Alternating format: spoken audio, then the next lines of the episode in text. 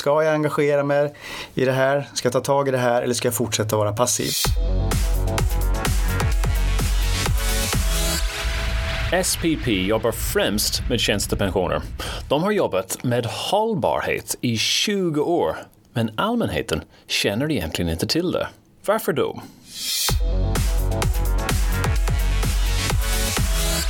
Pino Rochinho, välkommen till Contentpodden, marknadschef på SPP. Första frågan, när började du pensionsspara? Eh, jag började pensionsspara på när jag fick mitt första jobb. Så tjänstepension, det var så jag började pensionsspara. Pensionsspara okay. privat, det gjorde jag lite senare, kanske i 30-årsåldern någonstans där. Okay, men... Och jag, är, jag får säga också, jag är, jag är chef för en enhet som heter marknad och erbjudande inom SPP som ansvarar för mer än bara marknadsfrågor. Och vad är det du är ansvarig för då?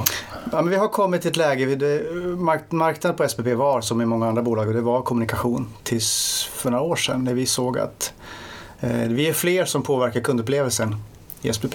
Och inte minst när vi kommer till digitala kanaler och eh, hur vi paketerar våra erbjudanden. Så idag så är marknaden erbjudanden består det av köpt kommunikation, det består av digitala kanaler och det består av vår erbjudande paketering, också med, inklusive CRM. Okej, okay, så allt med produktutveckling och nya tjänster ingår i den här också? Ja, hur vi presenterar tjänsterna. Inte själva produktutvecklingen är på IT-nivå, men hur vi presenterar våra tjänster det ingår i vårt uppdrag. Så man kan säga att traditionellt har man den gamla kommunikationsavdelningen är det säljavdelningen till viss del? Eller vilka, vilka av de gammaldags organisationsdelar ja. finns i din organisation nu? Eller där, där du jobbar med marknaden och erbjudande? Så jag, jag jobbar tillsammans med, inte min organisation, jag jobbar tillsammans med kommunikationschefen som traditionellt tar ansvar för intern kommunikation, PR-arbetet, men också som jobbar väldigt, väldigt nära marknads-PR, väldigt mycket sociala kanaler, sociala medier bland annat och gör ett fantastiskt jobb där. Så jobbar jag med försäljningschefen som ansvarar framförallt för, en säljorganisation som har fysiska möten med våra kunder. Så det vi tillsammans som ska försöka, försöka skapa den kundupplevelsen och ett, ett positivt kundmöte också. Då. Och i min organisation så har vi just som sagt CRM, digitala kanaler, paketering av våra produkter och tjänster, själva erbjudandet, men också marknadskommunikationen. Så känner du nu att det här är någon slags team då med den slags traditionell säljkommunikation och marknadsdelar tillsammans? Eller har det kommit så långt? Ja, men jag tycker vi är ett team, absolut. Det fanns en tid för några år sedan när vi var väldigt isolerade från varandra. Och marknads, marknadsavdelningen var väldigt mycket varumärkesbyggande. Det var tv-reklam, man skulle liksom förenkla och förminska det. Det var mycket mer än så såklart. Och så försäljning var ju fysiska möten, det var mer på riktigt. Och, och det som var kommunikation var väldigt mycket intern kommunikation och, och PR-arbete. Så nu jobbar vi mycket, mycket mer tillsammans. Uh, och vi har egentligen, vad som har förenat oss är en, en gemensam bild av målgruppen. Ska jag säga. Så vi är samma målgrupp lite olika, olika roller i det mötet. Har det varit många kulturkrockar på vägen dit? Eller hur, men när, när gjorde ni den här sorts omorganisation? Därför att det ni gör tycker jag är helt rätt. Mm. Förresten så mm. hats off. Mm. Uh, det är ju bra. Men det är ju svårt att göra därför att vi jobbar med den ganska många bolag som har, ja, har jättesvårt med det där. Och inte minst om man kommer till en, eller en, en pensionsbransch som är traditionsbunden och där, där jurister, aktuarier och där, där produktenheter är otroligt starka kulturellt. Och det finns en tradition av ordning och reda och så vidare. Ja, men det, finns, det pågår fortfarande, det är, det är en ständig kulturförflyttning och förändring. Så att jag skulle inte säga att vi, vi är klara. Vi lyckas när vi jobbar tillsammans i projekt och tar oss an uppdrag tillsammans. Vi jobbar idag vi jobbar med definierad kundlivscykler både på företags, business to business men också business to consumer. Och när vi, när vi förenas med lite olika kompetenser i det där så får vi också faktiskt samma bild om vad kunder tycker är viktigt. Men kan ni göra det? Kan ni förenas med, med samma bild? Om kundbehovet och vad kunde väl ha? Ja, det avvaktar jag lite grann på svaret. vi, vi förenar absolut. På, när vi har, på lång sikt så förenar vi, det handlar ju både om att leverera här och nu. Vi brukar prata om att det handlar om att, att både utföra ett 60 meters lopp men också ett maratonlopp. Och det här måste ske parallellt. Okay. Så här och nu, försäljning är ju väldigt mycket här och nu och skapa resultat här och nu. Och där kan vi förenas i en gemensam bild. Vi har lite större utmaningar, vi pratar om vilken förflyttning och förändring vi behöver göra och var konsumenten är på väg någonstans också. Men jag tycker att vi bygger mer och mer för att hitta en gemensam, ett gemensamt arbetssätt och en gemensam bild. Men var är konsumenten på väg då i, i din värld? Hur, hur ser ni på den eller hur ser du på den? Eh, konsumenten är på väg mot att man vet att man måste ta ett större ansvar. Vi jobbar med pensioner. Så människor i Sverige vet att man borde och man bör. Men det skapar lite så pensionsångest. Jag vet att jag borde men jag orkar inte. Så vårt uppdrag blir ju att förenkla det här vansinnigt mycket. Vi har ju, jag tycker sen eh, millennieskiftet så har hela pensionsbranschen lagt ner miljarder på kommunikation för att försöka förklara för konsumenter i Sverige hur pension fungerar. Men det är inte en jäkel som bryr sig. Det är känslan i alla fall. Vi brukar pr- prata om att det är 12 procent av våra kunder som verkligen är intresserade. Och vi måste någon gång så måste vi börja anpassa oss till det här jag ska inte säga ointresset, för det finns ett intresse med behovet av förenkling eller kommunicera på ett annat sätt. Så dit, dit är vi absolut på väg och då kommer digitala kanaler bli viktiga och kunna möta kunder på ett annat sätt. 12 procent är intresserade, vilket betyder att 88 procent är inte det, eller inte särskilt intresserade av Nej, det finns de som sticker huvudet under sanden. Så jag tror att det finns ett intresse där, men det skapar mer en ångest för att man vet inte hur man ska ta sig an frågan. Så intresset är ganska stort egentligen, man vet att man borde. Men det, men det yppar sig i ett ointresse för att det blir, så, det blir så tunga beslut att fatta. Men hur får du folk att bli intresserade? I mean, därför det är ju, Mm. ditt jobb går ut på det, att få folk att bli intresserade av att pensionsspara, men de, är, de vet att de ska, men de, de vill inte ens tänka på, på, på frågan. Så hur, hur får man, hur, man skapar du en det? dialog med dem? Ja? Hur fasen gör man det? Ja. Hur sjutton gör man det? Men de 12 procenten är inga problem. Just det. För de, är- de ger oss gärna tips och råd och de är med och produktutvecklar också. Det är, det är de här människorna som loggar in på webbsidan varje vecka, byter fonder, agerar, har synpunkter och tycker vi rekommenderar kring andra fonder också. Men det är som sagt en ganska liten del. Eh, Så lyssnar man för mycket på dem så försvårar man för de andra 88 procenten också. Då. Eh, Så det handlar om att ta ner tröskeln någonstans. Att eh, förenkla, förenkla, förenkla, göra det mycket enklare. Lyssna på dem och, och, och inse att alla vill inte ha ett stort engagemang och mycket aktivitet. Men väldigt mycket kring förenkling. Och Så är det mycket bara conversion helt enkelt. Klicka på den här, klicka på den här så är du in. Du behöver inte tänka på din pension framöver. Är det, är det den sorts lösning? ja, det ska jag säga, det är bara det ett tillräckligt stort steg att ta. Okej, okej, det är tufft att. Jag vet inte om du har läst eh, Kahnemans Thinking Fast and Slow? Jag, Nej, jag har inte läst Nej. den faktiskt. Nej. Ganska, jag tänkte faktiskt bli kopplat till vår, till vår bransch. Där är man ju han är tydlig med hur, hur hjärnan fungerar. Att vi har, vi har lätt att, att fatta emotionella beslut. Och det gör vi gärna, det får vi energi av. Det fattar hur många som helst i, i, i vardagen. Men så fort vi ska fatta rationella beslut så tar det så jäkla mycket energi. Och ska vi fatta rationella beslut så vill vi gärna vänta och fundera såklart för det är mer krävande.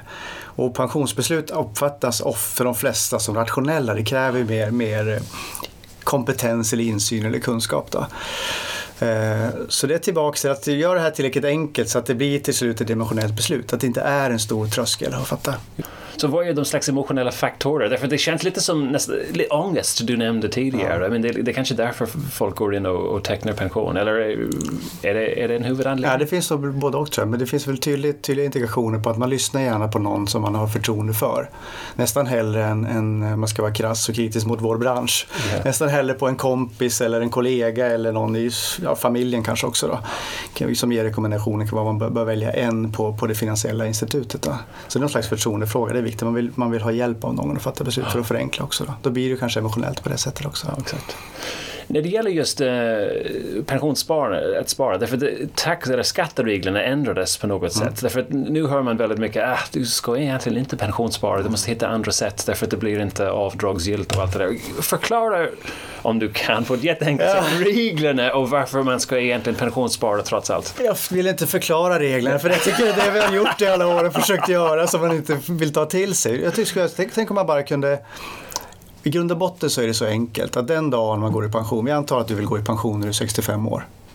Ja, Vi ponerar, du, du vill gå i pension tidigare men ja. vi utgår från att du går i pension när du är 65. Då ska du fundera på hur många år antas jag leva? 20-tal år säger vi. Lite- Nu förenklar vi. Du vill leva mycket längre än så. Vi säger 85 år. 20 år ska du ha pengar. Hur mycket vill du ha per månad? Vi förenklar och säger att du vill ha 20 000 per månad. 240 000 per år. Gånger 10 år. 2,4 miljoner. Gånger 20 år. 4,8 miljoner. Ja, men någonstans roughly. 5 miljoner behöver du ha för att leva så som du önskar.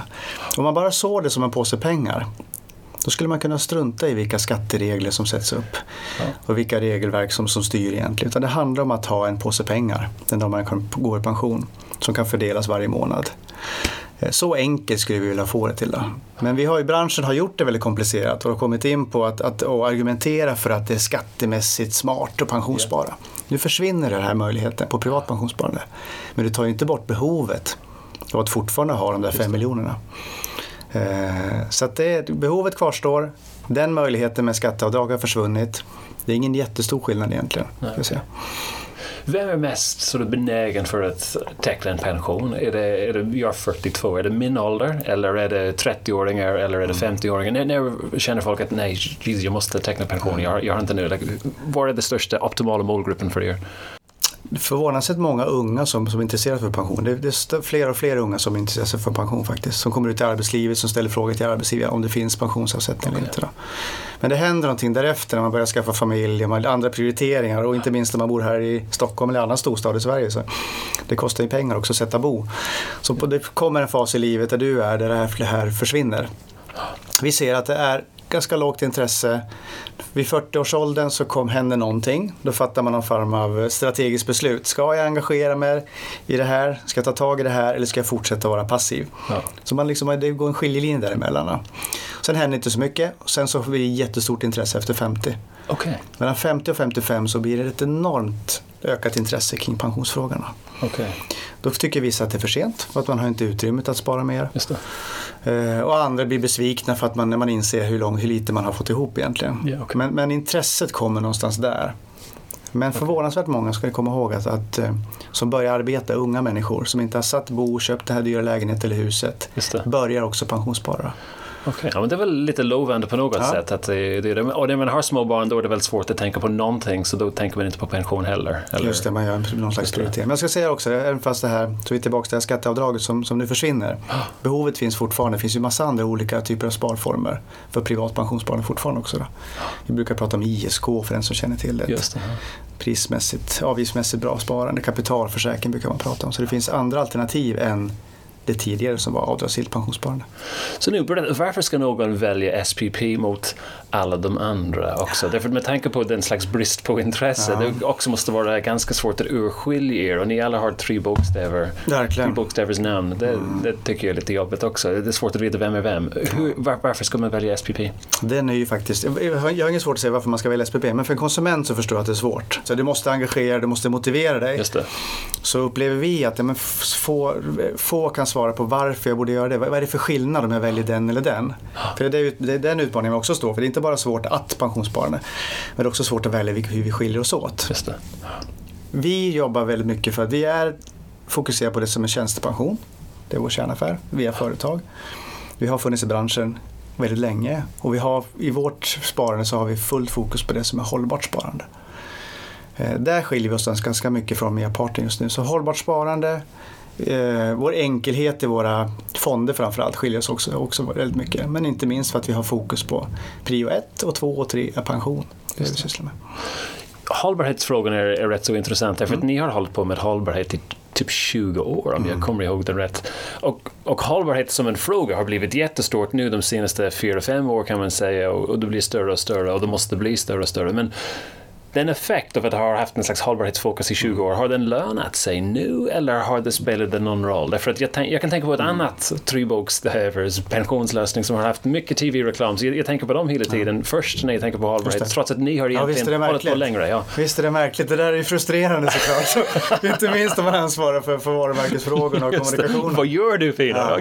Ja. Fasen, det där är hopplöst. Men det är lite grann så i vår bransch och det hänger ihop med lite ointresset. Det är den som först kommer top of mind, det är den som det. också får de här epiteten.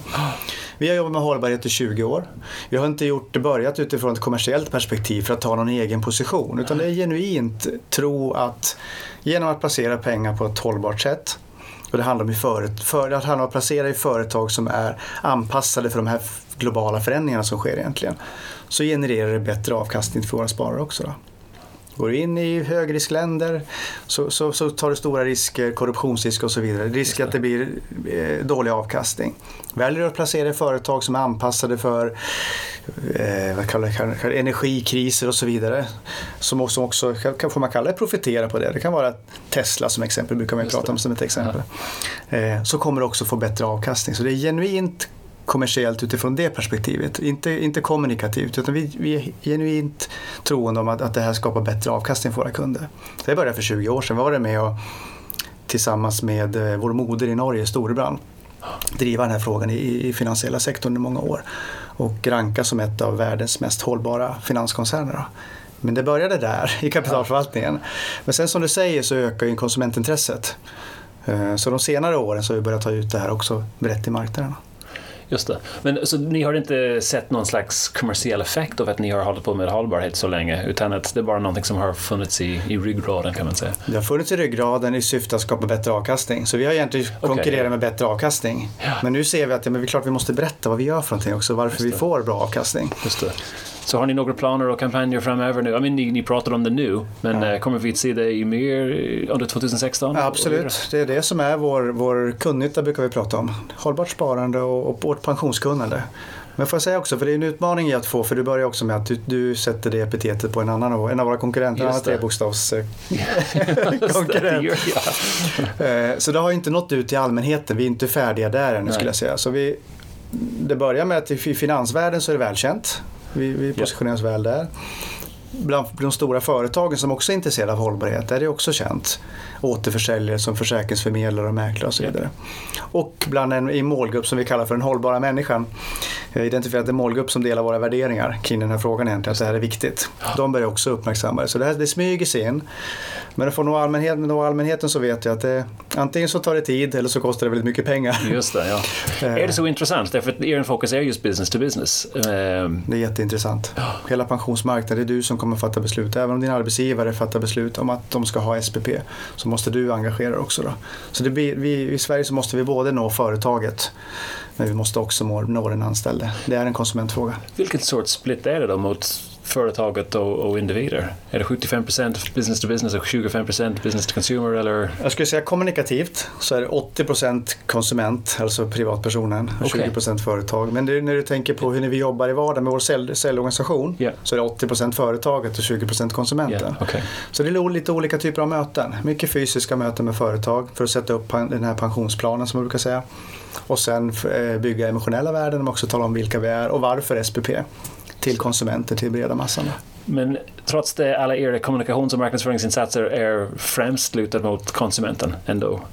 Det ska jag säga det breda. Men vardagsarbetet, när vi, de fysiska mötena är nästan uteslutande mot företagarna. Just det. Okay. Är det någon kanal som ni kommunicerar genom som ni känner har, har mest effekt? Jag menar, har ni, ni har jobbat med, med det mesta ja, antagligen. verkligen. Eh,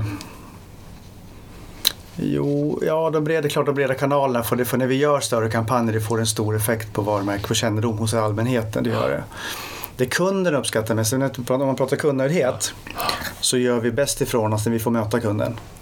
Tyvärr än så länge. Vi, vi är väldigt duktiga på att möta kunden så vi har fantastisk kundnöjdhet när vi möter dem.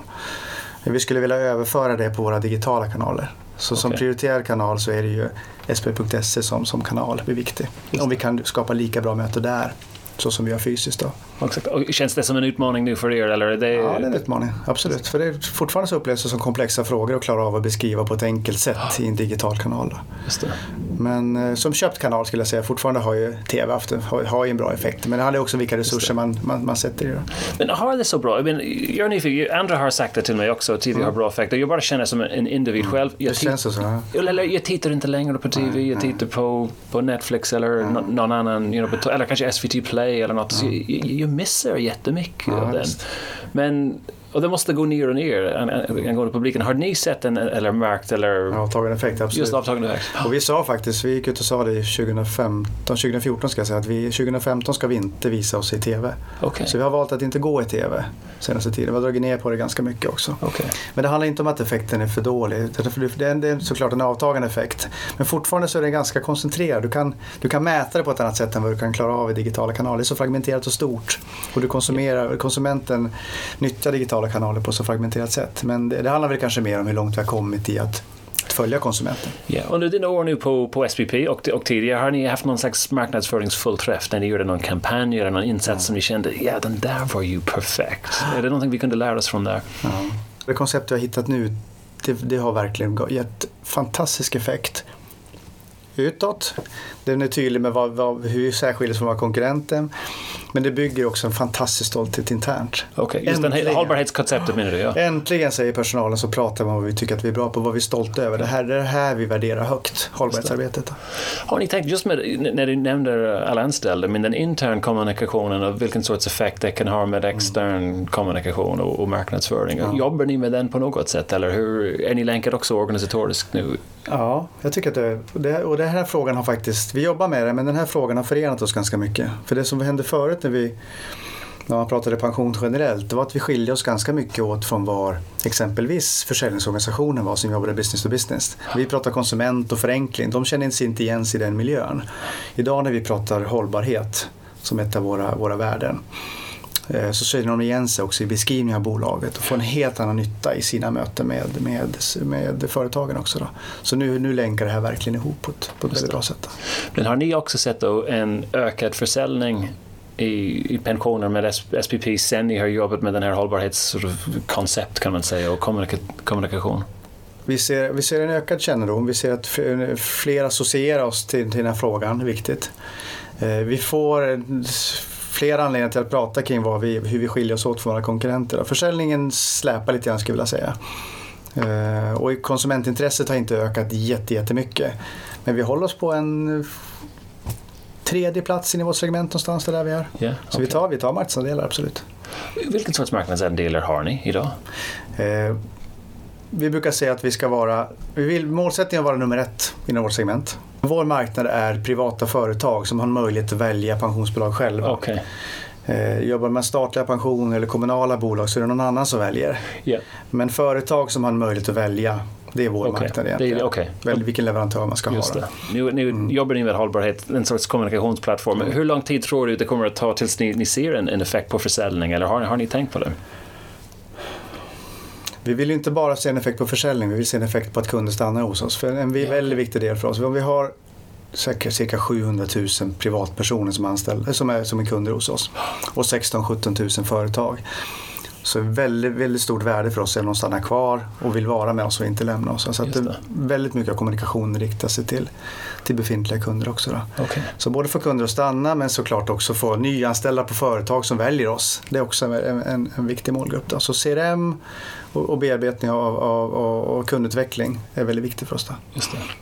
Jag har en fråga kring just att jobba med byråer mm. eh, och hur det är att jobba med byråer. Jag har pratat med olika marknadschefer och vissa tycker att ah, men nej, men det är bara jobbet, särskilt när man jobbar med en ny byrå. Det finns så många människor mm. som förstår inte vad vi gör och det tar tid. Medan andra säger nej, men vi har en fantastisk relation, funkar ja, jättebra. Hur ser du på den och hur väljer ni byråer? Därför att det finns det är en så fragmenterad marknad mm. marknadsföringsmässigt. Det är svårt att veta vem man ska ta in för vad. Och så tror man alltid att det blir så mycket bättre om man tar in någon annan. Jo, eller hur? Ja. Men ibland så måste man se sig i spegeln också. Ja. Det handlar ganska mycket om hur mogen man är som organisation tänker jag också. Man, får, man ska hitta en byrå som fungerar för eller som, hur man är som person, inte bara organisation. För det är människor som möter människor. Jag har ju varit med om det, man har haft ett fantastiskt samarbete med en byrå så byter man team bara. Och så funkar det sämre, det är samma byrå. Okay. Eller omvänt att vi kanske får andra krav och förväntningar på oss. Jag vill också vara långsiktig där. Såväl som i kommunikationskonceptet som i byråsamarbeten tror jag att man Självklart noggrant urval.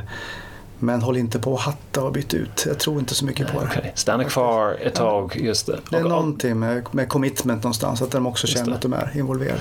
Och du nämnde också men om teamet själv måste bytas ut inom byrån och du har nya människor för byrån, det kan bli också ja, rätt så jobbigt. Oh, ja, definitivt. Och så får man, ja, de har sina kompetenser och vi har våra kompetenser. Det. Det vi ska vara specialister på olika saker. Men det, precis som vi ska jobba bra internt mellan försäljning och kommunikation om marknad och erbjudanden så måste vi också jobba, jobba nära med byråerna också. Men det intressanta där är just att en, väldigt få byråer kan säga att de är väldigt bra på en sak eller du kommer alltid få ett bra ja, resultat från en sak. Det handlar om just vissa individer i byrån själv som, som funkar riktigt bra. Ja, för några år sedan så var det, har man digital kompetens eller säger man bara det? Och vad är digital ja. kompetens? Ja, eller hur? Ja, exakt. Ja. Ja, jag tror att det handlar om människor återigen. Vi, vi, vi, vi har haft en tid när vi la ut väldigt mycket på byråer. Vi har insett att vi måste ha mer av kärnkompetensen själva också. Men det betyder inte att vi inte behöver ha ett samarbete med, med byråer okay. också. Men vi, vi försöker bygga mer kompetens själva också. Då. För då får vi en bättre dialog. Om vi har en kunskap kring, kring innehållsmarknadsföring så kan vi också få en bättre diskussion med en byrå som jobbar med den frågan också. Just det. Jag försöker inte sälja in oss nej, nej, nej. dagsläget. Jag är det var ett exempel. Det var ett exempel. det är bra exempel att använda innehållsmarknadsföring, ja, självklart. Om du skulle vilja höra någon på den här podcast, vem skulle du välja? Ja, jag vet inte fasen vem jag skulle välja faktiskt. Vilket, vilken person. Uh, Jag, tänker, det jag tycker det är intressant nu det är vad som händer i Sverige kring, kring integrationsfrågor och kring, mm. kring flyktingfrågan. Finns det någon organisation eller någon som jobbar med det här ur ett kommunikativt perspektiv också då? Kanske som en, ur ett kommersiellt perspektiv, inte bara hantera integration utan som nya målgrupper. Jag själv tycker att jag är en bransch jag är ju inte invandrare själv, men min pappa var invandrare. Jag är andra generationens i alla fall. Väldigt intresserad av frågorna. Eh, men vi, om man ska vara självkritisk, för det ska man vara, vi pratar inte så mycket om den nya, vad som händer i Sverige med, med framförallt integrationsfrågor och, och, och ganska ja, nya typer av kulturer som kommer in. Ah. Tänk att höra och lyssna på någon som, som har verkligen det här som en, som en given målgrupp. Att verkligen rikta in sig på, kalla det nysvenskar eller andra typer av Just målgrupper. Det. Skulle vilja locka dem och hitta ett sätt att locka dem till, ja, det, det, skulle, jag, det skulle jag vara intresserad av. För det, det kommer vi också behöva göra på ett helt annat sätt. Även finansbranschen måste göra det, men vi är väldigt stereotypa i finansbranschen. Har en, vår målgrupp är en 35 till 45-åring som bor i storstad, privat, jobbar i privat sektor. Så ser inte Sverige ut. Nej, exakt. Och det kommer inte det kommer att ändras så mycket också de kommande 10 till 15 åren. Vi, vi ser det, det är ju en självklarhet. Så jag har inget namn, men jag skulle vara, det skulle vara kul att lyssna på någon som har det, den här nya målgruppen som... Superintressant. Mm. Sista frågan, en pest eller kolera-frågan som vi brukar ställa. Eh, du har två val. En är att er ledningsgrupp har bestämt er för att köpa en privat jet med en stor SPP hållbarhet is the shit eh, eh, på sidan som, säger, eh, som ni, ni, ska flyga runt om i, i Sverige i. Och den andra är att ni, ledningen har bestämt att alla ska ha profilkläder som är sytt av någon sweatshop i Bangladesh där det finns möjligtvis barnarbetare och väldigt tvivelaktiga arbetsförhållanden. Och du som marknadschef eller ja, marknadsförare mm. måste bestämma, okej okay, vilken ska vi ta av de här två och uh, förklara från en kommunikationsperspektiv vilken du skulle helst vilja jobba utifrån. Wow! Hur hanterar man den? Uh... Och då förutsätter jag att jag får inte ändra arbetsförhållanden för de här, de här personerna i Bangladesh. För annars låter det lockande att ha någon som verkar, en hel, en hel eh, organisation som har profilkläder på sig. Just det. Men det är uteslutet ifall det är dåliga arbetsförhållanden. Det finns inte på kartan ens. Så jag skulle nog välja privatjetet.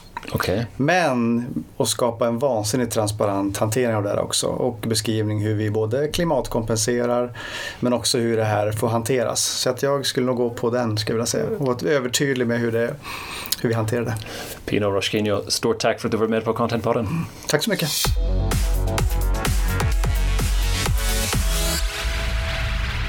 You've been listening to Content Podden from the content agency Breed.